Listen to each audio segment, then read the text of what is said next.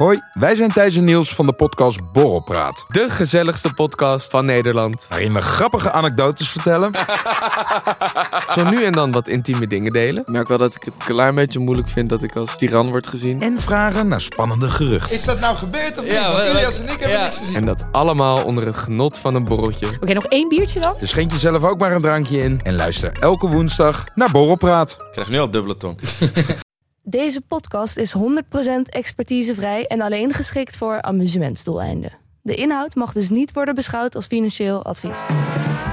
Dit is Jong Beleggen, de podcast. Ik ben Milou En ik ben Pim. en we gaan het hebben over liquiditeit. En dat brengt heel veel informatie samen die we eerder hebben besproken. En er zijn verschillende vormen van liquiditeit, maar we hebben het vooral over de persoonlijke kant van het verhaal. Ja, liquiditeit is echt belangrijk om bewust van te zijn om je portfolio goed te managen. Ja, we bespreken de manieren waarop je het kan doen. Ehm, er is een PDT-update. Eh, en ik heb wat transacties gedaan, dus een portfolio-update. En tot slot nog een luistertip over waarom je al je geld in je leven over de balk moet smijten. Oh.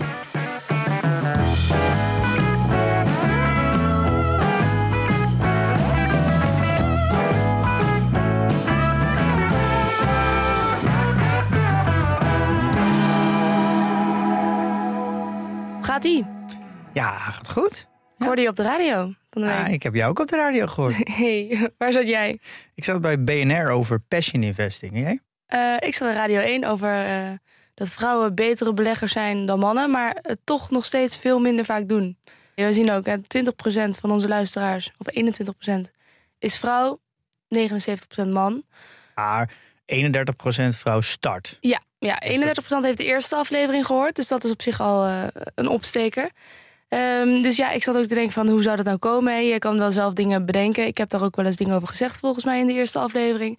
Uiteindelijk is denk ik toch een stukje, eh, een stukje interesse van, Ja, nou, van vrouwen. wel, wel gezien dat vrouwen denk ik voornamelijk ook ETF's doen. Ja, Maar is het de laatste tijd wel groter geworden, de groep? ik moet zeggen dat ik niet de trends heb bekeken. Maar ik denk wel, op zich is het natuurlijk wel voor te stellen dat, kijk, tot nou, halverwege de jaren 50 vorige eeuw, dan was er nog de wet handelingsonbekwaam voor getrouwde vrouwen. Dan mocht je niet eens een bankrekening hebben, je mocht ook geen werk hebben, je mocht van alles niet. Nou ja, nu hebben vrouwen steeds meer gelukkig een eigen vermogen en kunnen ze daar natuurlijk ook steeds meer wat mee doen. Ik denk alleen nog wel dat er een beetje een cultuurswijziging daarvoor nodig is. Ja, maar dat kost tijd. Dat kost tijd. Maar goed, we zijn dus wel betere beleggers. Is dan uit onderzoek eh, gebleken, tijd geleden al. Niet heel veel beter, maar wel wat beter. En dat nou heeft- 0,4 Gem- Procentpunt. eh, rendement per jaar gemiddeld meer? het, zit een het ligt een beetje ingewikkeld, die hele uitleg. Dat doen we hier niet aan, aan ingewikkelde dingen. Eh, nee, ingewikkelde dingen laten we even links liggen. Ik bedoel, mannen luisteren en die hebben natuurlijk niet allemaal Kunnen we een hoop van de leren, ik. mentale capaciteiten om dat, om dat te kunnen registreren. Eh, Maar maar wat het de heeft gelegenheid waarschijnlijk... daarvan? Want dit is natuurlijk al, eh, al algemeen bekend. Ja, het is gewoon eens in de tijd komt dat weer op. En dan staat het weer in de krant. En dan pakken de media het weer op. Ja, dus het is ook helemaal niet nieuws. Maar wat wel nieuw is, is het verschil komt doordat mannen meer risico's nemen dan vrouwen. Dus vrouwen zijn iets risico-averser. En mannen die overschatten zichzelf wat meer. En wat blijkt nou, dat hangt dus ook samen te hangen daadwerkelijk met het hormoon testosteron. Dus mannen met hoge testosteronspiegels, die nemen meer risico's dan mannen met een lage testosteronspiegel ook. Dus er zijn ook nog wel verschillen binnen mannen natuurlijk, hè? dat is er altijd. Eh, dat heeft Paul Smeets van de eh, Universiteit Maastricht ontdekt tijdens experiment met beheerders van de beleggingsfonds van Robeco. Paul Smeets zegt daar zelf over. De uitkomsten zijn reden tot bezorgdheid als je bedenkt dat deze proefpersonen beleggingsfondsen ter waarde van 100 miljard euro beheren. Ja. En dat ze ook vaak in de directie zitten, dus verantwoordelijk zijn voor overnames eh, en fusies. En dat, dat heeft niet altijd de beste uitkomsten. Nee. Dus ja, je kan beter maar wat vrouwen ook daar in de top aannemen, mannen. Want daar heb je toch echt wel wat aan. Tel jullie testosteron. Ja, ja, maar je kan, ja. Ja, ik, ik geloof daar wel. Maar je kan dus ook zeggen, daardoor zijn mannen natuurlijk meer ondernemers, denk ik. Ja, en ook daar zitten inderdaad. mannen meer in die bestuurskamer. Ja, je- precies. Ja, Je krijgt natuurlijk een selectie bij, want de mannen die risico nemen en het lukt, ja. die hebben goede performance en die komen automatisch op die plekken. ja, ze nemen ook meer Als je risico's. weinig risico neemt, dan heb je nooit een, val je nooit op qua performance tussen de mannen die het wel goed doen. Ja, Dan klopt. kom je er ook nooit. Ja, dus het heeft ook zeker heel veel voordelen voor, eh, voor mannen. eh, dat ze zichzelf zo eh, overschatten. Ja, maar ik denk dat de, de psychologie en natuurlijk het, de, de emotie en het handelen, dat is natuurlijk misschien wel het grootste onderdeel van beleggen. Ja. Dus dat klopt denk ik ook wel hieruit. Ja. Nou, ik heb het gehad over passion investing. Ja, En ja, niet heel interessant. eh, maar niet heel boeiend. Het ging over eh, de stijging van Lego. dat Lego steeds meer waard wordt. Mhm. Dat het steeds meer een collectors item wordt in plaats van speelgoed. Ja. Dat er steeds meer eh, volwassenen zijn die nu dat kopen. Dus die groep die er vroeger mee speelde, wordt steeds ouder. En die ziet het een soort van herinnering aan de jeugd. En die maakt dan iets en dat zetten ze dan echt in de woonkamer neer. Als een beetje als kunst. Ja. Daardoor gaan de prijzen omhoog. Oh. Dus daar heb ik het over gehad. En eh, over gewoon het concept passion investing. En dat je daar voornamelijk heel veel ervaring met, heel veel kennis moet hebben over dat onderwerp. Want als je bijvoorbeeld in Gucci tasjes of Rolex of oldtimers of whisky, dat je wel echt goed moet weten wat je moet kopen. Want Ja. het is natuurlijk eh, maar een topje van de ijsberg wat serieus geld oplevert van alle whiskies en van alle Ja, Lego stukken. Natuurlijk. Ja. Dus je moet heel veel kennis van zaken hebben. Heb jij inmiddels al een passion? Nee, ik- dat is echt niks voor mij, die, Ja. die vorm van eh, investing. Oké. Ehm, Ik denk ook de meeste mensen die dit doen, eh, van, gewoon puur vanuit een hobby dit doen. En er ja, misschien na tien jaar achter komen dat het eigenlijk ook best wel een interessante belegging is. Maar dat het nooit puur start als belegging. Maar puur gewoon intrinsiek gemotiveerd. Omdat ze, verzameldrift. ja, Ik heb nu wel twee Barbies die ik niet uit een doos ga halen. ja, nou ja, die, Kreeg op de Barbie première. dus je hoort er eh, over, het is misschien vijf à tien jaar, weet je of het waarde heeft. Ja, als ik ze dan niet eh, kwijt ben geraakt. Ik weet hoe ik ben met spullen. Eh, we gaan het hebben over liquiditeit vandaag. Ja. Waarom? Ja, en toen ik eigenlijk hiermee begon, dacht ik. Ik had eigenlijk een hele duidelijke invalshoek. En het gaat over de liquiditeit van jou als belegger. Eh, dat was eigenlijk de insteek. Maar toen ik hiermee begon, dacht ik, ja, dan moet ik toch ook wel even de andere vormen van liquiditeit aanstippen. Want anders klopt de aflevering niet. Want eigenlijk alles in de financiële markt draait om liquiditeit. Eigenlijk alles. Dat is eigenlijk een van de allerbelangrijkste onderdelen van, van de financiële markt is liquiditeit. Want liquiditeit is uiteindelijk stromend geld. Ja, dat is, een, dus eigenlijk dat vraag en aanbod bij elkaar gebracht worden. En dat je gewoon kan handelen Ja. iets wat illiquide is, dat betekent eigenlijk dat er geen handel kan plaatsvinden. Ja. Dus dan werkt het ook niet. Nou, een mooi voorbeeld is denk ik recent Triodos. Die eh, certificaten, die kon je sinds corona niet handelen. Eh, Certificaten. ja, je, de Triodos aandelen, een soort van certificaten. Die gingen dus niet via een centrale eh, market maker, eigenlijk centrale handelshuis, een exchange. Maar die gingen dus via Triodos zelf. Oh. En die hebben de handel gewoon stopgezet. Dus dat betekent dat je certificaten, slash aandelen, Triodos hebt. Maar je kan ze dus niet verhandelen. Er is geen tegenpartij die ze overneemt. Ja, dus je kan er niet vanaf. Nee, je, het is gewoon dood geld. Want je hebt het wel, maar je kan er niks mee. Nee. Eh, dus eigenlijk ligt het soort van in de kluis en je bent de sleutel kwijt. Daar Ja. komt het een beetje op neer. Ja, er is geen liquiditeit. Een heel groot probleem. Ja, echt. Nu is de liquiditeit weer terug, maar eh, sinds in die drie jaar tijd in één keer zakt de koers iets van 70% Dus eh, ja, voor die mensen zijn volgens mij 43.000 beleggers in, in Nederland die daar die certificaten hebben. Ja, dat is natuurlijk voor hen echt verschrikkelijk. Ja, maar in ieder geval. Dat kan gebeuren, dat vind ik echt bizar. Maar goed, inderdaad. ja, ik vind het ook heel raar dat dit kan gebeuren. Ja.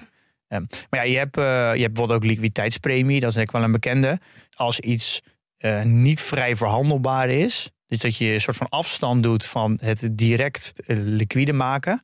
Dan krijg je een liquiditeitspremie. Dus het meest makkelijke voorbeeld. Als jij geld vastzet voor vijf jaar bij de bank. Dan krijg je een hogere rente dan als jij het op je spaarrekening zet. En je kan het per direct eraf halen wanneer jij wilt. Ja. Dan krijg je eigenlijk een liquiditeitspremie. Dat houdt eigenlijk dus gewoon letterlijk in. Jij krijgt een extra beloning om het je tijdelijk afziet om het liquide te maken. Ja. Dat is eigenlijk een hele bekende term die je veel hoort. Ik kreeg van de week nog zo'n mailtje van de bank. Dat ik het voor twee jaar kon vastzetten en dat ik dan dit. dit Ja, en dan, ben je, ja dat is, dan krijg je een soort van extra premie. Ja. Eh, ja omdat je er tijdelijk van afziet. Ja. Je hebt eigenlijk de meest, ja, de, misschien wel de meest bekende is ja, de marktliquiditeit. En dat houdt eigenlijk in, daar wordt voornamelijk over gesproken. En het gaat vooral over centrale banken, voornamelijk, die geld in en uit de markt halen. Dus dan heb je natuurlijk de kwantitatieve verruiming, dus quantitative easing, en kwantitatieve verkrapping, quantitative tightening. Ja. Eh, dus de Q- eh, QT en de QE. Nou, daar hebben we een aflevering over gemaakt, over centrale banken. Dat ze dus geld in de economie pompen en of eh, geld eruit halen. En dat geldt eigenlijk een beetje hetzelfde met banken. Dat nu worden er bijna geen leningen verstrekt aan eh, bedrijven. Omdat de rente heel hard omhoog gaan. En de, regel, de regels van het lenen van geld zijn heel streng geworden. Waardoor er eigenlijk de liquiditeit in de markt, die wordt lager. Dus daar wordt voornamelijk over gesproken als het gaat over, over marktliquiditeit. Ja. Ja, maar eigenlijk als we puur de term liquiditeit pakken, dan gaat het eigenlijk over. Dat is een hele belangrijke begrip in de financiële sector. Eh dat gaat over het gemak waarmee je een asset of financieel instrument kan worden omgezet in contant geld. Zonder dat, en dat is belangrijk, zonder dat de marktprijs beïnvloed wordt. En daar gaat het over.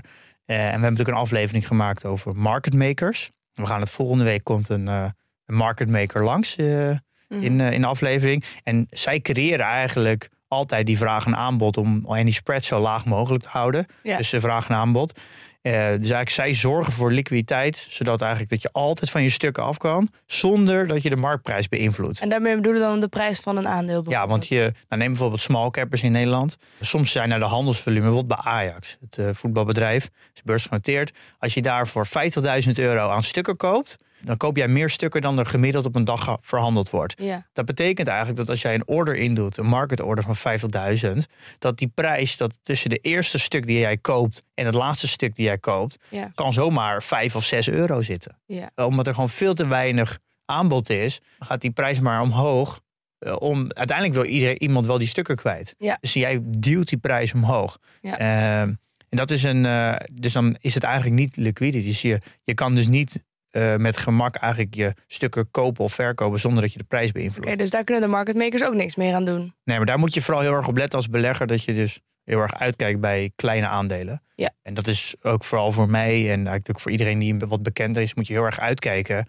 Met dat je niet te veel over kleine aandelen praat. Ja, Eh, want dan kan je heel erg de markt beïnvloeden. gaat iedereen. eh, Ja. Maar sommige aandelen in aandelen Nederland die zijn, worden maar met een paar duizend stukken per dag verhandeld. Dat is echt heel erg, dat is echt heel erg laag. Ja, Eh, ja. Nou, dat is eigenlijk een, eh, een vorm van, eh, ook van liquiditeit. En dat is misschien eigenlijk de meest belangrijke termen die, eh, die je veel hoort. Maar waar ik het eigenlijk over wil hebben, Ja. is eigenlijk je persoonlijke liquiditeit.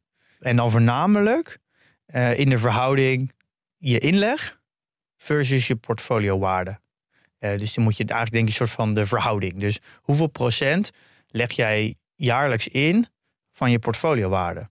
En daarnaast is ook nog erbij bekeken hoeveel, eh, hoe zeker is dan die inleg van jou? En daar is eigenlijk, dat is eigenlijk een onderwerp wat eigenlijk nooit wordt besproken. Maar ik vind dit wel een belangrijk onderdeel van je eigenlijk van portfolio management. Ik snap ook nog niet helemaal wat je bedoelt, denk ik. Wat maakt het uit hoeveel procent van je totale waarde je inlegt? Nou, dat is heel erg bepalend. eh, Gecombineerd met je eh, soort van portefeuille management over wat voor risico's je kan dragen. Hm. En hoe goed je kan profiteren van de volatiliteit. Oké.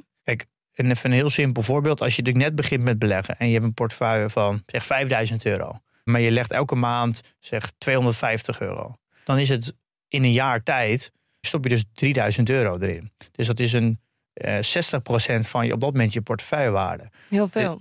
Dat, dat is heel veel. Dus als, je, als de beurskoers heel erg zakken, dan is dat voor jou eigenlijk een zegen. Want dan kun je heel veel geld. Want je legt 60% nog van je portefeuillewaarde de markt in. Ja. En dus je kan ja. extreem goed profiteren van volatiliteit. Ja. Daarom zou eigenlijk het. Ik wilde eigenlijk dat ik dit concept wat eerder wist. Want daardoor is het dus veel logischer om wat agressiever in de markt te zitten. En wat meer in bijvoorbeeld in groei. Of in ieder geval, eh, je kan best wel goed gebruik maken van volatiliteit. Omdat namelijk procentueel gezien je verhoudingswijs je inleg heel hoog is. Ja. Ehm, dus ik heb even gekeken naar hoe zit het dan bij mij om wat meer beeld te geven. Ja. In 2023, toen nu toe, heb ik ongeveer 6,8% ingelegd. Ten opzichte van je totale vermogen. Ja, en dat heb ik berekend door gewoon eh, elke week de, mijn portfolio te pakken, naar het gemiddelde van te pakken, delen door mijn inleg nu. is niet, natuurlijk niet helemaal correct, maar het geeft wel een goed beeld. Eh 6,8% Als ik dan kijk naar vorig jaar, 2022, heb ik 12,6% ingelegd. Oké. En als ik kijk naar 2021, heb ik 22,7% ingelegd Wow. van de portefeuillewaarde toen. Dat is wel een verschil met dit jaar dan. Ja, dus je ziet het elke keer eh, verlagen. Ja. En dat is natuurlijk eigenlijk logisch, want als je portefeuille groeit en je legt ongeveer hetzelfde in, ja. dan neemt natuurlijk het percentage af. Eh, het eerste jaar 2020 heeft natuurlijk geen zin, want dan had ik nog geen portefeuille toen ik begon. Eh, maar dat geeft wel aan dat, dat ik steeds minder goed kan profiteren Ja. van een extreme daling. Omdat ja, ik kan maar, in dit, in dit jaar had, kan ik maar 6,8% inleggen. Dus als de beurskoersen 30% dalen, kan ik maar 6,8% van mijn portefeuille inleggen. Ja. Maar ja, maar daar is toch ook niks aan te doen. Want uiteindelijk zal je portefeuille, eh, portefeuille elk jaar groeien. Dus als je hetzelfde bedrag inlegt, wordt het natuurlijk elk jaar procentueel minder. Ja, maar dit is natuurlijk wel een, een interessant concept om hier bewust van te zijn. Daar gaat eigenlijk, dat waar wil ik het over hebben, is de bewustwording. Als je heel veel inlegt, of je hebt heel veel cash, dan kan je met het, dat stukje wat je belegt, zou je meer risico kunnen nemen. Omdat je als het, want je hebt eigenlijk, in een, als je gaat even kijken naar bedrijven, even simpel heb je twee vormen van risico's. Je hebt fundamentele risico's. Dus gewoon fundamenteel is het bedrijf, groeit het, maakt het winst. Dat het, gewoon, gewoon het bedrijf zelf. En je hebt eigenlijk even, uh, valuation risk. Dus de waardering.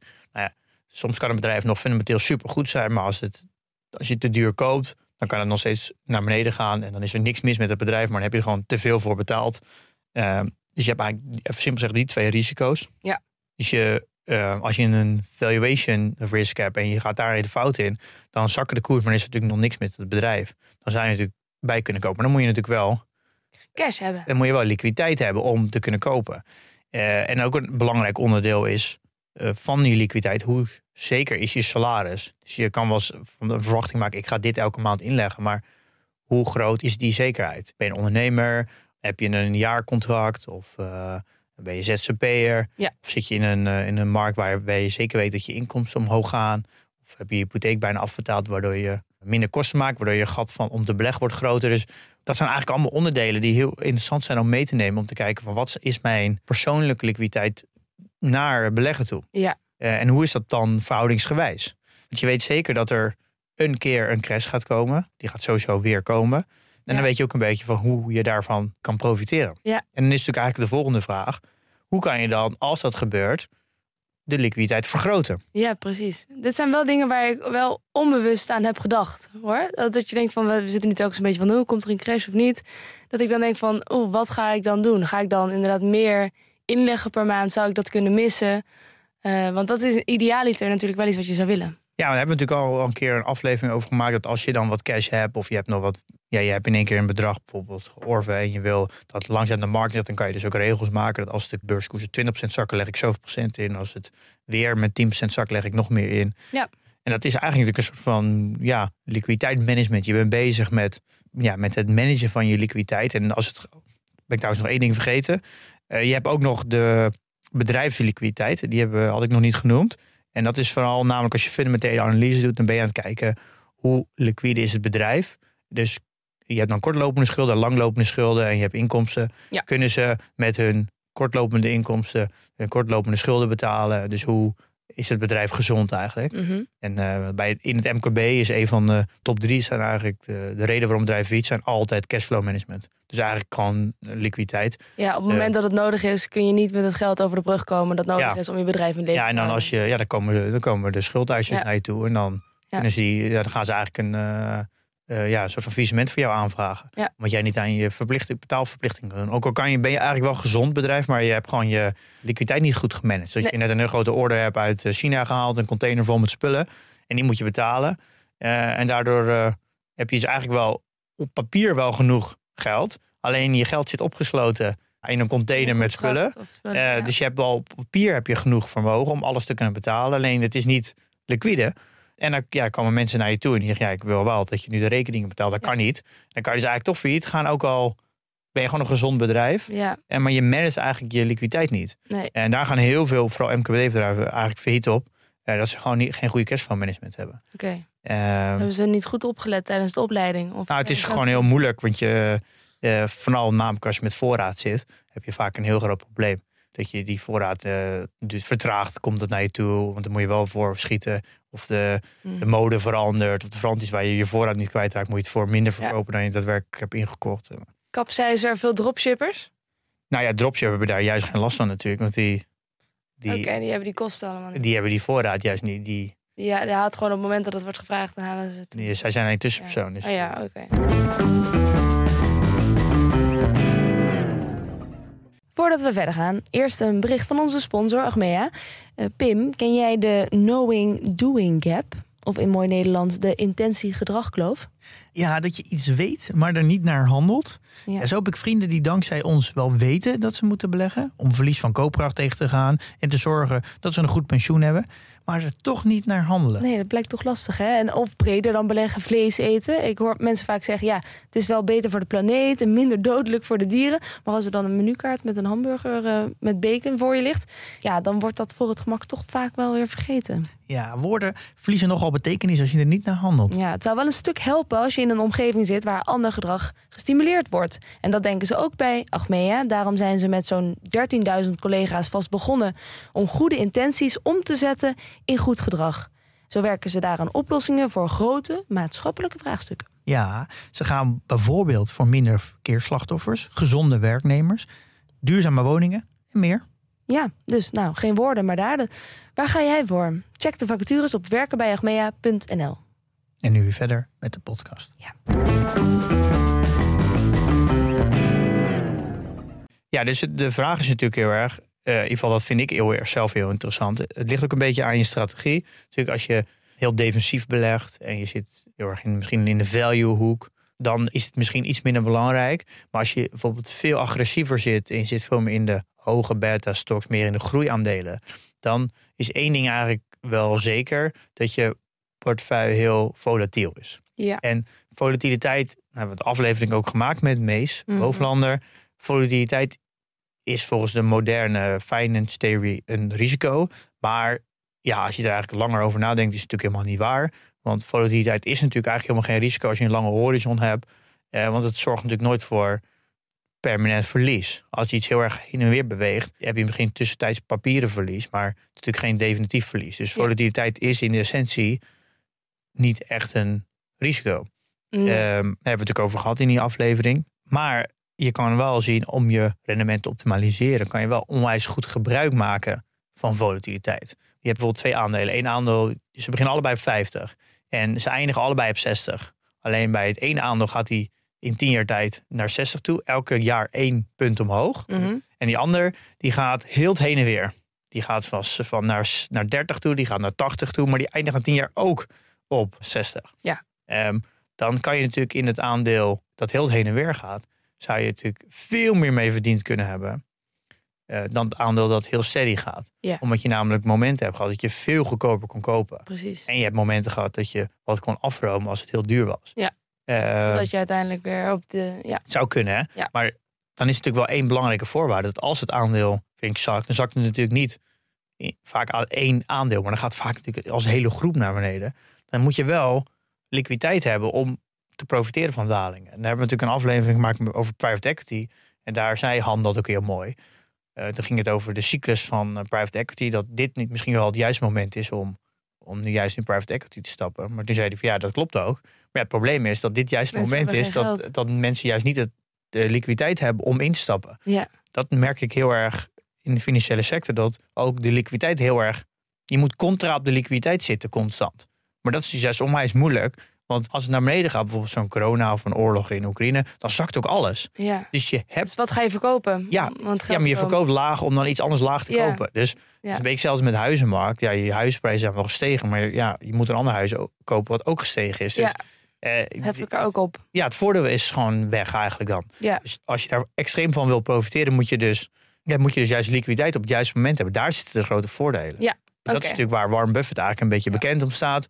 Die heeft natuurlijk in 2008, financiële crisis, alles ging naar beneden. En hij stond daar een beetje van, nou kom maar naar mij toe, ik kom jullie wel redden. Mhm. Dus hij had eigenlijk de liquiditeit op het moment dat iedereen het nodig had. Eh, Ja, daar heeft hij natuurlijk hele speciale deals uit kunnen halen. En dat- dat is een- naar mijn idee ook wel een groot deel van zijn strategie. Ja. Eh, gewoon heel veel geduld hebben. Zorgen En- dat je liquide bent als het nodig is. Ja, en dat, dat als het echt nodig is, niemand geld heeft. Dan kun je jezelf je- opwerpen als een soort redder. Terwijl Ja. je eigenlijk zelf ook flink in je handjes kan wrijven. Op Ja, dat is natuurlijk waar Warren Buffett eigenlijk een beetje bekend om staat. Maar, maar als ik dan even door zit te filosoferen over wat je daar dan voor zou kunnen doen. Mhm. Want ik denk dus dan eh, in eerste instantie van nou, dan moet je maar gewoon heel veel geld op je spaarrekening hebben. Nadeel daarvan is natuurlijk dat je dat geld niet belegd hebt, dus dat het niet kan renderen. Ja, nou, dat is natuurlijk een goed punt. Want nu kom, nu kom je eigenlijk op de vraag... Ja, hoe creëer je nou liquiditeit op het juiste moment? Ja, Eh, ja, dan is natuurlijk cash een hele logische gedachte. Daar hebben we ook een aflevering over gemaakt. Dit is trouwens de aflevering met show notes... waar ik bijna non-stop refereer naar andere afleveringen. Dus het voelt bijna als een verzamelaflevering. ja. Eh, cash is natuurlijk een eh, meest bekende. We hebben een volledige aflevering over gemaakt. Cash is ook een positie, 72. Ja. Cash wordt ook wel dry powder genoemd. Dat refereert naar iets achter de hand hebben als je het, en als je het, als je het echt nodig hebt. Dus dat je kan toeslaan. Ja. Dus het ligt droog en eh, als je iets ziet, dan kan je het pakken. Maar ja, de wetenschap laat al zien dat cash natuurlijk ook een heel groot ander probleem heeft. Is dat de beurs over het algemeen naar boven gaan. ja. En dat betekent dat je dus ook een opportunity cost hebt. Ja, en een verlies in de inflatie. Als ja, je, je geld wordt minder waard, maar je, je hebt ook opportunity cost. Dus als de, de beurs gemiddeld gezien omhoog gaat, dan cash gaat natuurlijk niet omhoog. Nee. Dus dan heb je eigenlijk een soort van, noemen ze dan een drag, hebben ze. Je hebt een, ja, dat rendeert niet. Dus je hebt een drag. Dus je, om dat goed te maken ben je eigenlijk aan het wachten op een crash en dan stap je in. Maar dan is natuurlijk de vraag, hoe vaak is die crash en hoe lang is die drag? En ja, dat, is, dat weet je natuurlijk nooit. Nee. Um, want ja, je weet nooit wanneer er een crash komt. Dus je kan nee. dat niet echt plannen. Dus dit lijkt me ook geen optimale situatie. Ik weet ook van jou dat jij ook altijd gewoon helemaal belegd wil zijn. Ja, dus dit is, vind ik niet echt een, een strategie. Dus ik kies ervoor um, om altijd wel belegd te zijn. Ik heb al misschien periodes van weken waar ik even niet belegd ben. Dan heb ik iets cash, omdat ik nog wat langer onderzoek moet doen. Mm -hmm. Maar ik ben er wel, ik ben wel voorstander van om altijd gewoon belegd te zijn. Ja. Of in ieder geval een groot gedeelte. Dan denk ik even verder. Wat zijn er nog meer dingen die je zou kunnen doen? Is op zo'n moment dan slim om een hedge te hebben? Ja, nee, dan denk je natuurlijk aan hedge verzekeren. Maar dan kom je natuurlijk eigenlijk in een, in een wereld die best wel complex is. Dus heb je natuurlijk allerlei financiële producten. Er zijn, is de financiële sector natuurlijk heel handig in om zulke producten te bedenken. Dan kan je natuurlijk short gaan, je kan opties. Nou, de banken hebben natuurlijk turbo's en sprinters. Ja, of in flow traders uh, investeren. Ja, nou dat is natuurlijk ook een vorm. Daar komen we zo op. Ja. Uh, nu gaat het even over hedging met, met producten. Ja. Nou, turbo's en sprinters kan je sowieso vermijden, want die financieringskosten zijn idioot hoog. En daar betaal je soms gewoon 3, 4 procent, soms 5 procent financieringskosten per jaar. Dus een, een, uh, ja, dat heeft bijna geen zin. Ja. Um, maar zijn opties een optie? Uh, nou ja, opties zijn dan eigenlijk, uh, kan je hetzelfde effect mee bereiken. Die zijn veel goedkoper. En je kan natuurlijk nog short gaan, maar dat is natuurlijk een heel groot risico. kijk, opties, bijvoorbeeld put-opties is natuurlijk een optie. Waar we het volgende aflevering over gaan hebben met Allard. En ja, dat, maar dat zijn wel wat complexere instrumenten. Dus dat betekent wel dat je daar goed onderzoek moet doen en goed moet leren hoe dat precies werkt. Ja. dan kom je natuurlijk een beetje in de hoek van Taleb en Mark Spitsnagel, waar we een aflevering over gemaakt. samen met Mees 115 over hedgen van je portfolio. Dat ja. is zeker een optie, maar eigenlijk met alles wat te maken heeft met hedging, daar betaal je. Dus je hebt ook een soort van drag. Dus je, ja, je, je premie ja, je betaalt gewoon om, om je soort van te verzekeren. Ja. En dat kan niet renderen. Dus dat geld wat je dan voor je hedge, dat kan je niet long gaan, dus Nee. in, in aandelen. Dus ten eerste, je verliest dat. Maar Ja. en je hebt ook nog eens, je loopt performance mis. Dus de Mhm. bedoeling is dan dat die hedge over een periode van tien jaar natuurlijk uiteindelijk meer oplevert. Want Ja. ik vind hedgen om, om je risico te verlagen, is eigenlijk een beetje nutteloos. Want het moet wel een, een verbetering zijn van je performance. Want waarom zou je iets verzekeren als het niet een verbetering is? Dan kan je het beter niet verzekeren. Dus het, het Ja. idee, gewoon het risico verlagen als, als doel, dat vind ik een heel raar doel. Want het- ja, waarom zou je dat doen? Ehm, dan, Nee. moet, dan moet je gewoon je risicoprofiel gaan aanpassen. Ja, kun je ook In de samenstelling van je portefeuille. Ja. Ja. Dus je wil kostenefficiënt hedgen. En Kijk, een uh, render zit in het aard van systematisch risico. Dus je, eh, je kan het niet echt voorspellen. Je kan niet kijken naar de geschiedenis en dan zijn er eh, tail risk events geweest. Dus, Nee. eh, dat, Dus dat- dat zit het moeilijk in. Dus wanneer, ja, je zegt wel makkelijk van ja, kostenefficiënt moet je doen. Maar dat is natuurlijk heel onvoorspelbaar. Wanneer ja, ik ben zelf hier gewoon nog niet echt ervaren genoeg in om hier heel inhoudelijk over te praten. Mhm. Eh, maar de, de theorie die is bij mij wel bekend. Dat je wil een soort van payoff structuur die explosief is. Dat is wat je uiteindelijk zoekt een beetje in, Ja. een, in een hedge. Dat is een, een oplossing. Dan heb je eigenlijk diversificatie in met strategieën. Nou, daar kan je dus ook met aandelen doen. Je bijvoorbeeld wat jij al aangaf, flow traders. Is natuurlijk een manier om in je portefeuille een soort van semi-hedge te bouwen. Nou, het is eigenlijk het niet echt een hedge. Je kan eigenlijk niet spreken over een verzekering. Waar je eigenlijk naar zoekt in, een, in je portefeuille is naar een lage correlatie tussen aandelen. Dus als een omhoog gaat, dan wil je dat het andere naar beneden gaat. Dat is waar je naar op zoek bent als het gaat om diversificatie. Ja. Eh, dat is wel een belangrijk onderdeel. Als je praat over spreiding, is dat je wel dat er geen verhouding tussen zit. Ja. En dat is het waar flow traders een beetje een rol in heeft. Is dat als de beurzen hard naar beneden gaan, dan gaat vaak flow traders omhoog. Die contrabeweging, dat is waar je naar zoekt Dat in spreiding. Eh, want als je, daarom wordt vaak gezegd, ja, eh, gewoon spreiden als je gewoon breed spreidt. Maar als, de, als er een systematisch risico is, dan gaat de hele beurs naar beneden. Dus heeft spreiden gewoon nul zin. Nee, dat maakt het niet uit. Maar er zijn, het ligt een beetje aan het type crash natuurlijk. Want bij corona eh, ging eigenlijk tech al heel snel weer omhoog. Ja, Eh, omdat het natuurlijk een, een crisis is waar iedereen naar binnen moest. Ja. Eh, nou, flow traders gingen ook omhoog. Maar bij de Oekraïne-oorlog gingen juist de defensieaandelen omhoog. Dat is wel een beetje zo bij elk soort van crash. alles is anders. het betekent niet dat letterlijk alles, maar het is ook afhankelijk van de crash. Natuurlijk, daarom is weer spreiding heel belangrijk. Is dat misschien is er altijd een sector of een hoekje van je portefeuille wat juist contra reageert. En dat creëert dan eigenlijk een winst. En dat creëert liquiditeit om, om dat uit te smeren mogelijk uh, over de rest van je portefeuille. heb je niet ook um, hogere liquiditeit als je heel goed bent in die sectorrotatiestrategie? Dat je in verschillende cycli van de beurs. Ja, maar dat gaat meer over gewoon dat gaat niet echt heel specifiek over een soort van systematisch risico. Dus als het hele beurs naar beneden gaat. Meer een ja, het gaat niet over de cyclus inderdaad. Ja, ja. Uh, maar ja, in, in grote lijnen is, wel, is dat, klopt dat wel wat je zegt. daar kunnen we het ook wel even over hebben. Want je, je kan dat ook met strategieën doen. En ik probeer dat een beetje eigenlijk met mijn value- en groeistrategie te doen. Dat zijn eigenlijk voor mijn gevoel een beetje twee uitersten. Ja. Uh, en die bewegen, als het dan niet een systematisch risico is, dus niet als de hele beurs naar beneden gaat, maar dan maar meer... Gaan meer groepen naar beneden. En daar kan je dus wel, dat kan je ook wel sectorrotatie noemen. Daar werkt natuurlijk een value en growth best wel oké. want je ziet dan vaak dat, dat ze niet tegelijk naar beneden gaan. Dat weegt een beetje contra. En wat ik daarmee probeer is, als groei heel hard naar beneden gaat, dan zie je dat dat geld moet dan uit, gaat uitgroeien, maar dat moet dan ergens anders naartoe. En dat verschuift zich dan voornamelijk naar meer veilige havens. Kijk, als het echt een, echt een crash is, dan gaat het gewoon helemaal de markt uit. Dus dan, gaan we, dan verdwijnt het geld helemaal uit aandelen. En bij meer een rotatie verschuift het geld in de categorie aandelen. Ja. Kijk, en dat, dat merkte we vorig jaar natuurlijk. De groeiaandelen die gingen allemaal flink naar beneden, echt heel hard. En de rest bleef nog wel aardig liggen. En ik heb toen bijvoorbeeld uh, Berkshire Hathaway, Ahold, Shell en Pfizer verkocht. Dat geld heb ik meer naar de groeihoek gestopt. Nou, dat is heel positief uitgepakt dit jaar. Uh, en nu ben ik juist precies het omgekeerde doen. Ik ben nu, is nu heel veel groei aan het verkopen. Ja. En het weer naar value, wat heel erg is blijven liggen. Ja. Dus ik ben eigenlijk een beetje aan het herbalanceren. Wat ook, ook liquiditeit is. Hebben we ook een aflevering over gemaakt. Het, ja. Uh, dus ik ben een beetje met spelen met strategieën. Ja, om een vorm van liquiditeit te creëren als iets anders naar beneden gaat. Ja. je wil eigenlijk je wil goedkoop kopen ja. uh, en duur verkopen. Of in ieder geval goedkoop kopen ja, dan moet je wel geld hebben, liquiditeit hebben, als het goedkoop is. Ja. Die gedachte, die, uh, die vind ik heel interessant. Dus hoe, wat kan je allemaal doen om uh, liquiditeit te hebben op momenten dat het goedkoop is? Mm -hmm. uh, dat is eigenlijk contra handelen. Of harder gaan werken, extra uren maken? Nou, ze zeggen wel eens toch wat grappig, als het echt hard crasht, dan ga ik zelfs mijn koelkast verkopen om geld de markt in te sturen. ja. ja, maar dat, ja, is ook een manier van liquiditeit. Dat, komt, er komt er met het gedachte van, ja, als het echt in, als het, als het 20, 30 procent zakt, 40 procent zakt, dan, dan moet ik gewoon elk dubbie wat ik kan vinden, moet die markt in. Want ja.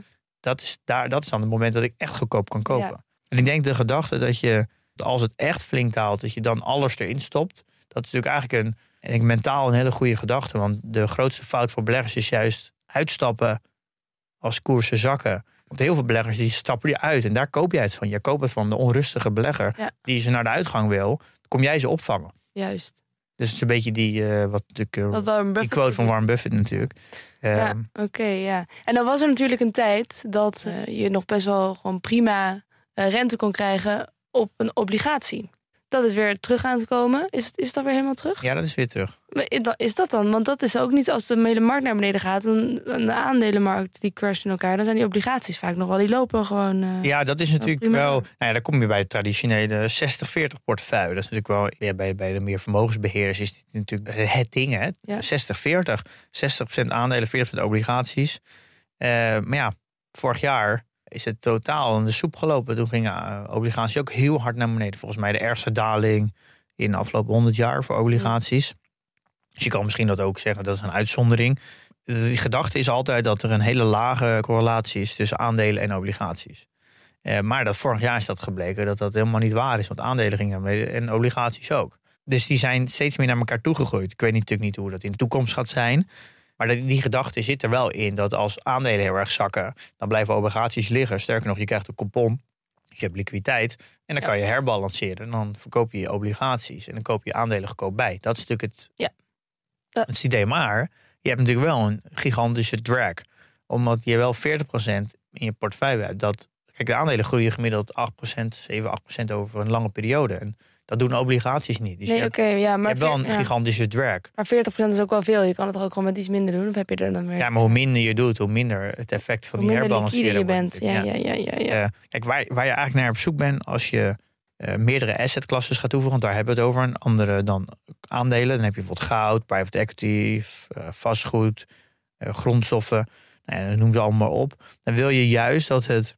Ten eerste, het moet wel liquide zijn. Want ja, fysiek, echt fysiek vastgoed is natuurlijk heel inliquide. Dat geldt hetzelfde met kunst en zo. Dus daar heb je eigenlijk niet zoveel. En dat als de aandelen dan flink zakken, dan kan je het ja, niet direct liquide maken, waardoor je nog steeds niet kan profiteren. dus dat is wel een heel belangrijk onderdeel als je gaat spreiden over meerdere assetklasses, dat je en je wil gebruik maken van als dingen zakken, moet het wel liquide zijn. Ja. Je wil ook een uh, correlatie, die moet gewoon heel laag zijn met aandelen. En gek genoeg zijn steeds meer dingen die zijn gerelateerd aan. Bijvoorbeeld bitcoin of gewoon crypto. Dat kan had, had best wel een interessante assetklasse kunnen zijn. Alleen het beweegt gewoon mee met aandelen. Bitcoin beweegt voornamelijk mee met de Nasdaq. Als je daar de koers van de afgelopen vijf jaar kijkt, is gewoon de Nasdaq op een steroid. Dus het heeft eigenlijk voor een portefeuille dan heel weinig nut. Ja. Het heeft geen echte functie. Het vervult niet een unieke rol in je portefeuille. Bijvoorbeeld goud is dan nog vervult echt een unieke rol. Uh, dus je wil uh, vooral voor de meer mensen die echt veel meer vermogen, die willen juist allemaal verschillende assetklasses hebben. Die juist een beetje, die niet zozeer aan elkaar gerelateerd zijn.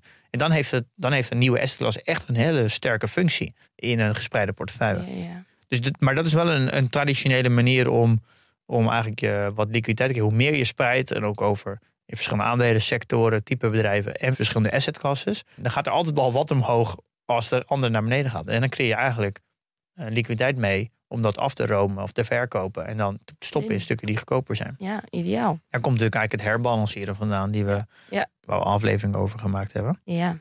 Alles komt hier zo mooi samen. Hè, het is eigenlijk een aflevering waar alles samenkomt. Er zijn ook zoveel linkjes in naar andere afleveringen. Ja.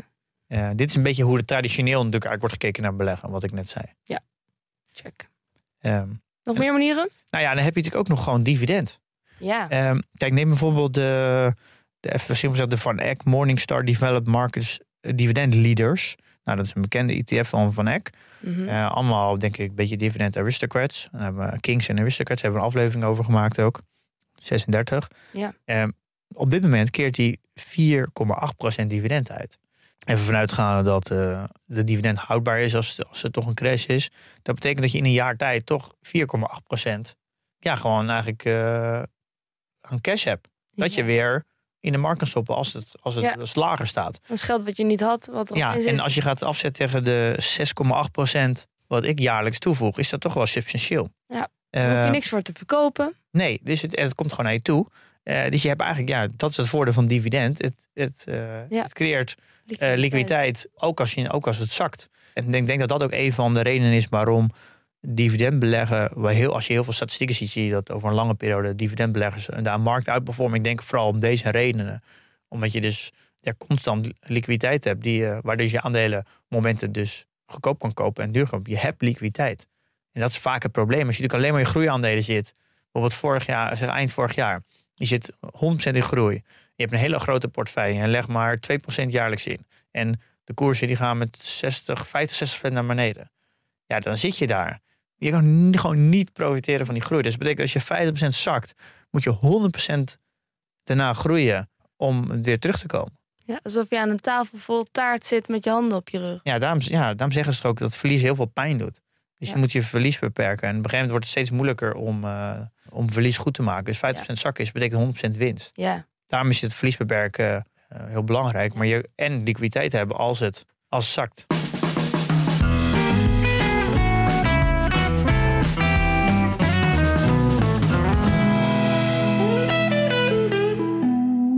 Hoe meer je in groei zit, dus hoe, hoe volatieler je portefeuille wordt, dan denk ik dat het ook belangrijker is dat je wat meer bewuster bent van je liquiditeit. en wat is voor jou dan de meest ideale manier als je hier nu in de toekomst wat meer op gaat letten?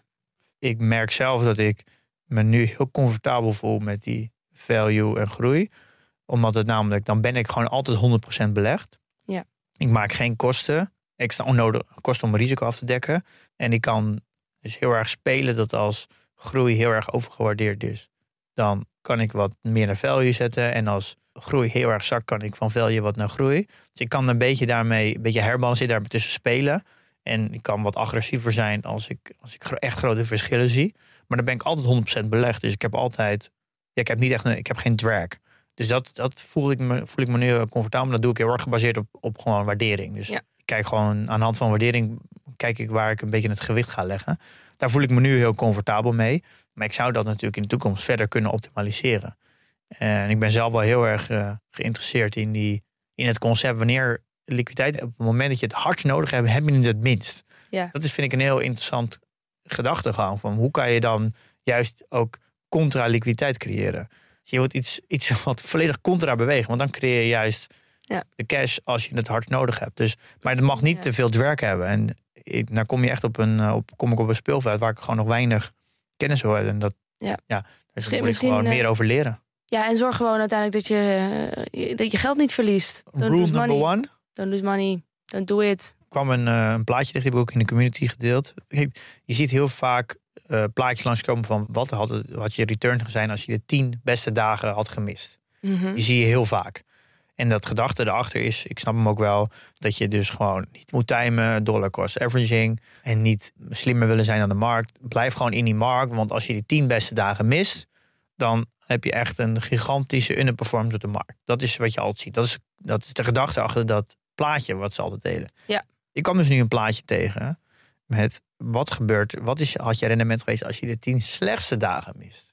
Oh, dat is interessant. En dat is natuurlijk eigenlijk het omgekeerde. Ja. En natuurlijk, je, het is natuurlijk onmogelijk om die tien slechte dagen niet in de markt te zijn. Nee, maar wel dat. Want we focussen alleen maar op de tien beste dagen. Maar, maar het, wat, wat ik dus heel interessant vond aan dit plaatje is dat je ziet hoe nou, een gigantische outperformance. Je moet eigenlijk dat plaatje even kijken, anders snap je natuurlijk niet. Maar die hebben echt in een nou, factor drie outperformance op gewoon een buy and hold. Dus het verschil tussen de tien slechtste dagen missen en de tien beste dagen missen is gigantisch verschil. Ja, en dus, dan in het voordeel van de tien slechtste dagen. Ja, maar dat heeft het logisch, omdat verlies veel zwaarder weegt dan winst. Ja. Dus dit plaatje laat ook weer het concept zien. Don't lose dat, money. Uh, echt op de lange termijn, als je een goede compounding en een growth rate wil over een periode van 20 jaar, moet je je verlies gewoon beperken. Ja. Ja, dat is, uh, laat dit plaatje maar weer goed zien. Verlies doet gewoon heel veel pijn. En ik denk, ik, ik doe dit jaar supergoed, voor mij 32% of zo, 33%. Maar als ik ga mijn performance gaan kijken van 1 januari 2022, dus tot nu, dat is zeggen voor anderhalf jaar, ben ik letterlijk 0% verschoven. Ik heb volgens mij een rendement van 0,4. Mm Dus vier basispunten rendement in, in, in anderhalf jaar tijd. Uh, en ik heb dit jaar heb ik ongeveer 32, 33% rendement. Moet je nagaan. Dat doe, ik heb nu echt een topjaar. Ik ga denk ik niet, niet vaker zo goed jaar als dit. Ja. En ik ben eigenlijk in anderhalf jaar tijd gewoon niet vooruitgekomen. Dit geeft aan hoeveel pijn het doet om verlies goed te maken. Dus iemand die, die dus eigenlijk heel defensief was geweest in die anderhalf jaar. En, en misschien weer steady elk jaar een paar jaar. En die zou gewoon meer rendement dan ja, mij nu hebben. Beter gedaan. heb je al die tijd erin gestoken. Uh, dus dat geeft wel aan dat verlies goed maken kost gewoon echt heel veel. Ja. We hebben uh, twee updates. Uh, een PDT-update en een portfolio-update. Want je hebt gehandeld. Daarover straks meer. Uh, eerst even die PDT-update. Ja. ja, dat gaan we heel kort doen. Het is, we gaan de structuur van updates een beetje verwijzigen. Wij shippen namelijk elke week een paar keer. Uh, shippen houdt in dat we een nieuwe versie live zetten. Ja. Nou, dat ziet eigenlijk niemand. Maar we zijn elke week, zetten we zo meerdere keren per week, een nieuwe versie live. En een versie kan een kleine improvement zijn, een bugfix of een verbetering van de data. Maar we verbeteren het product namelijk meerdere keren per week. Ja. Um, maar wij communiceren dat eigenlijk nooit. Dus wij communiceren vaak hele grote updates. Maar mensen zien het verschil helemaal dan niet. Nee, dus het leek het eigenlijk net alsof we soort van heel lang niks deden. Ja. En dan in één keer deden we weer wat. Dus we gaan nu het veranderen. We gaan dus nu elke twee weken een update publiceren. En dan doen we namelijk een lijst met alle puntjes die we hebben verbeterd. Om ook te laten zien... We zijn wel degelijk aan het werk. Ja, dat we heel veel doen en wat we dan doen. En dan gaan we dus in de community één keer in het kwartaal een hele grote update schrijven. En die gaat dan meer over wat we hebben gedaan in grote lijnen. En wat de toekomstplannen zijn. En uh, dus, daar zijn we dus vorige week mee begonnen. Dus de, je kan de changelog lezen. We noemen dat een changelog. Ja. Dat houdt eigenlijk in dat we gewoon daarop schrijven wat er dus veranderd is. Dus Ja. de change log. Ja. Ja, ja. Ja, Leuk. ja. En eh, en een portfolio, ehm, nou, je hebt het ook in de show notes natuurlijk uitgebreid bespreken. Maar we lopen er nu ook even doorheen. Ja, eh, ik heb eh, drie nieuwe posities. Twee vergroot en drie verkleind. Dat heb ik eh, vorige week gedaan. Ik heb eh, de Trade Desk en Meta verkleind. Ehm, en ik had het al al eerder Meta verkleind in combinatie met Alphabet en Amazon. Die drie had ik tegelijk eigenlijk uh, hetzelfde percentage eraf gehaald. Uh, maar ondertussen is Meta weer flink doorgegroeid. En dus ik heb weer wat afgehaald. Dus zo ben ik eigenlijk de groei in de, de GARP wat aan het verkleinen. Ja. En dat doe ik eigenlijk aan de hand van waardering. Ik vind ze gewoon... Uh, overgewaardeerd? Nou ja, nog niet zozeer overgewaardeerd. Want dan had ik de positie wel gesloten. Oh, ja. Maar ik vind ze wel goed gewaardeerd, stevig gewaardeerd. En dat is een beetje het nadeel altijd van aandelen. Dat je probeert ze te kopen met een margin of safety. Uh, dus dat ze ondergewaardeerd zijn. Maar als ze dan, als ze dan harder groeien dan, dan dat de winsten groeien, dan, worden ze, dan gaat de waardering, worden ze overgewaardeerd. Maar het probleem is dan gaan de koersen omhoog. Dus procentueel gezien worden dan ook grote posities.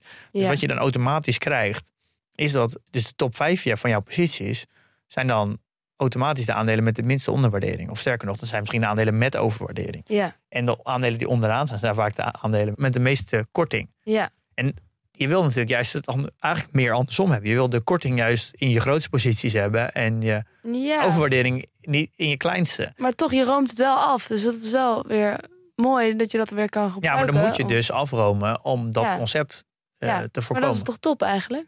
Ja, dan moet je dat dus wel doen. Maar dan, want ja, dan anders eindig je uiteindelijk dat de, groot, de meeste overwaardering in je grote positie zit. En dat is natuurlijk eigenlijk waar, waar value investing over, over gaat. Dat je zoveel mogelijk korting in je portefeuille houdt. En dat je het, ja, dus niet, niet al je grootste posities zoveel mogelijk korting creëert. Ja. het is soms bijna vervelend als je, dan heb je een bedrijf geanalyseerd en heb je een positie. denk nou, doe ik 3,5%, 4%. En dan loopt die korting er heel snel uit binnen een paar maanden. Heb bijvoorbeeld bij Airbnb gehad. Dat vind ik dus heel vervelend. Dan heb ik een positie van beginnen, begonnen met 3% en dan loopt hij heel snel, gaat het omhoog, waardoor het eigenlijk wat overgewaardeerd wordt. Maar dan denk ik, ja, ik had eigenlijk liever gehad dat het nog wat langer door had gesukkeld. Dan had ik meer tijd gehad om die positie ja. te vergroten. Want je wil het liefst zoveel mogelijk korting hebben in de grote posities. Dus als het dan die korting eruit loopt, dat, dat het ook een, een groot effect heeft op je complete performance, omdat het een grote positie is. Ik snap het. Maar wat heb je gekocht? Uh, Nieuwe positie? Ja, ik heb Euronext gekocht, Pfizer en uh, Smurfit Kappa. Pfizer, oude bekende? Ja, uh, Pfizer is weer terug. die heb ik dus eigenlijk samen met CrowdStrike dan de, de tweede positie die weer terugkomt. Pfizer heb ik verkocht in 2022. Nou, die heb ik bijvoorbeeld net gedaan. Die heb ik toen verkocht met Berkshire, Shell, Ahold en Pfizer. Daar heb ik toen eigenlijk naar groei gedaan. Ik heb het toen verkocht voor 48 dollar. En ik heb nu weer gekocht voor 35 dollar. En ondertussen heb ik altijd dat geld naar groei gedaan. Dat is hard omhoog gegaan. Dus, dus op dat moment is dat een, was het een goede keus.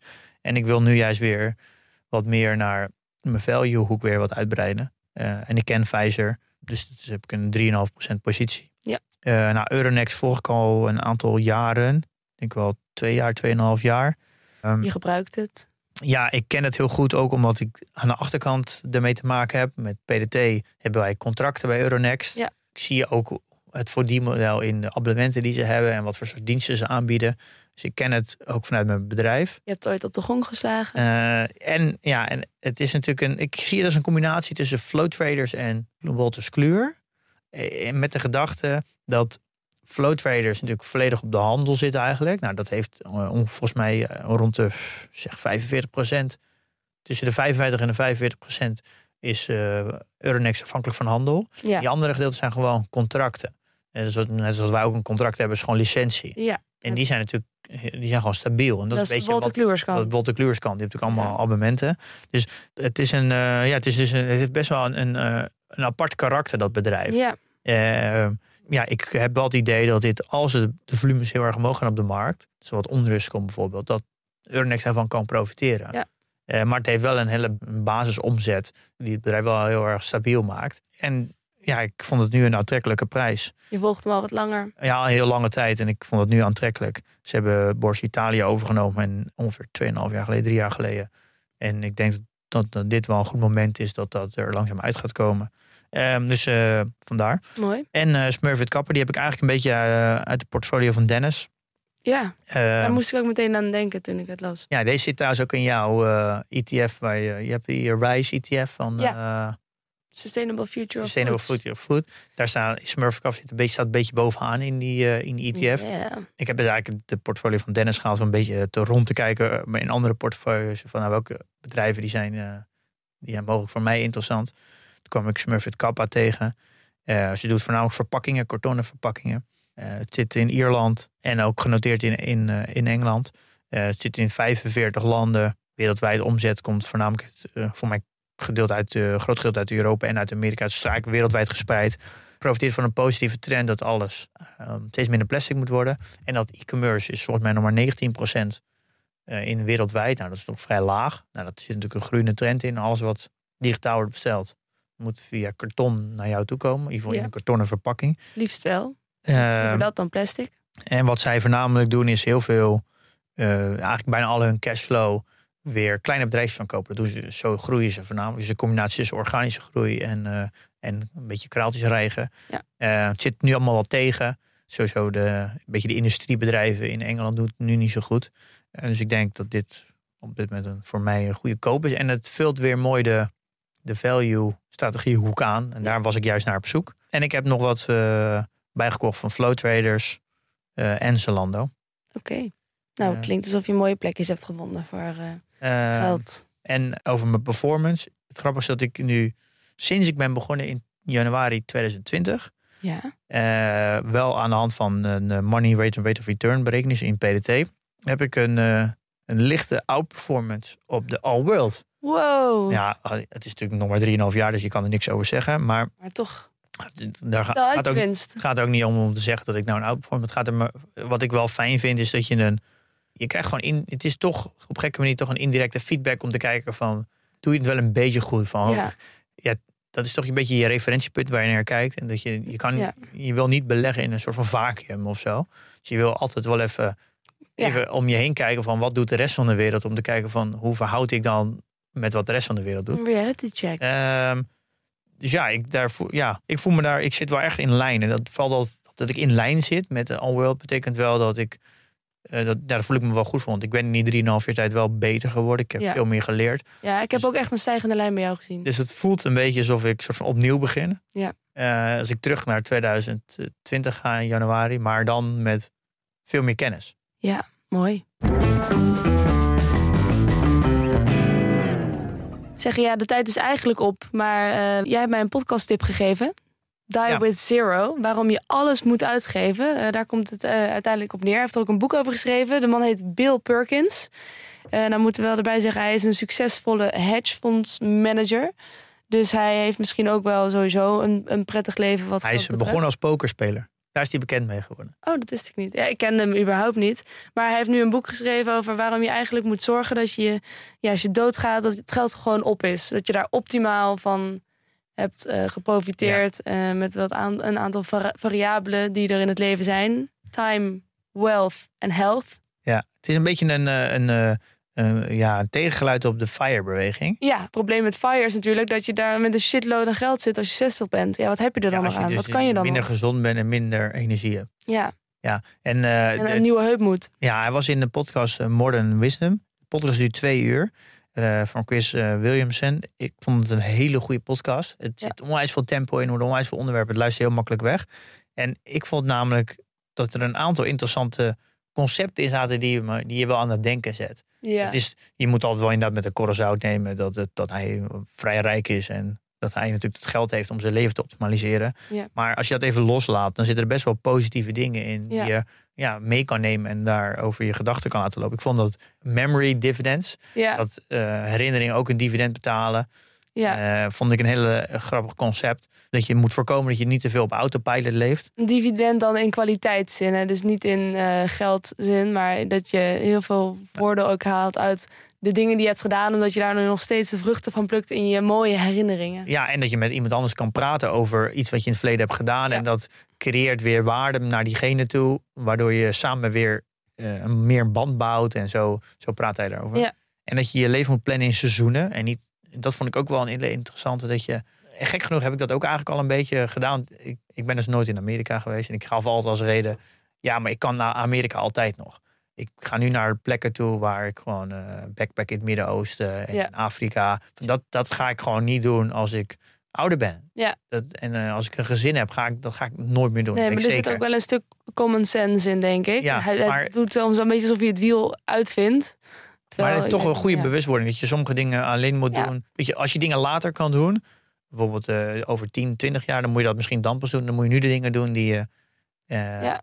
En hij gaat vooral over dat als je nog echt jong bent, dus geen gezin hebt en nog niet een vriendin hebt, dat je dan veel gekkere dingen moet doen. Ja. Dat kan je dan later niet meer doen. Maar ook als je een jong gezin hebt en die zijn er allemaal onder de, de tien en ze vinden jou nog helemaal het einde, dat je dan ook veel tijd met ze moet doorbrengen. Ja. Want zij willen dan ook tijd met jou doorbrengen. Dus ja, hij zegt heel mooi, vanaf van 12 jaar willen ze eigenlijk nog meer bij hun ouders zijn. Ja, daarvoor ben je God en daarna Ja. is het voorbij. Ja, het zijn wel dingen waar je wel over na zou kunnen denken. Wat mij wel toch ook wel weer opviel hieraan is... het gaat heel, heel erg over maximizing dit, maximizing dat... in kwaliteitszin en dan van je leven. Maar alsnog maakt hij dat ontzettend kwantitatief. Juist, hij zegt van je moet zoveel mogelijk van dit doen, je moet zoveel mogelijk dat.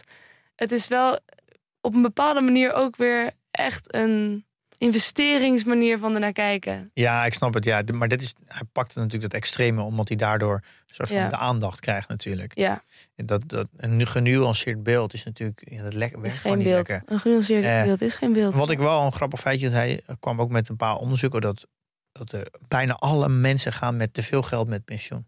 En dat, dat is dat soort van dat fenomeen van one more year, Ja, one more year.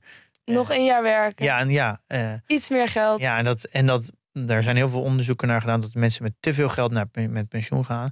eh, veel te veel geld achterlaten als ze overlijden. En dat geven ze dan aan kinderen die dan 60 zijn. Maar die hebben daar ook helemaal niks aan. Nee, Wij vinden dat je geld veel eerder naar je kinderen moet brengen. Als ze, het liefst als ze nog in een 20, 30 zijn. Want dan hebben ze het meest aan. Ja. Ehm, en dat als je met pensioen gaat, dat, je, dat mensen zich niet realiseren dat het leven veel goedkoper wordt. Want wat de dingen die je dan in één keer belangrijk vindt, is vaker bij je kinderen zijn, vaker bij je Ja. klein- klein- kleinkinderen zijn. Dat, en die kosten helemaal geen geld. Ja. Dus dat het, de, de dingen die je wilt doen, dat je die vooral die heel duur zijn als je jong bent. En de dingen als je met pensioen bent vaak heel goedkoop zijn.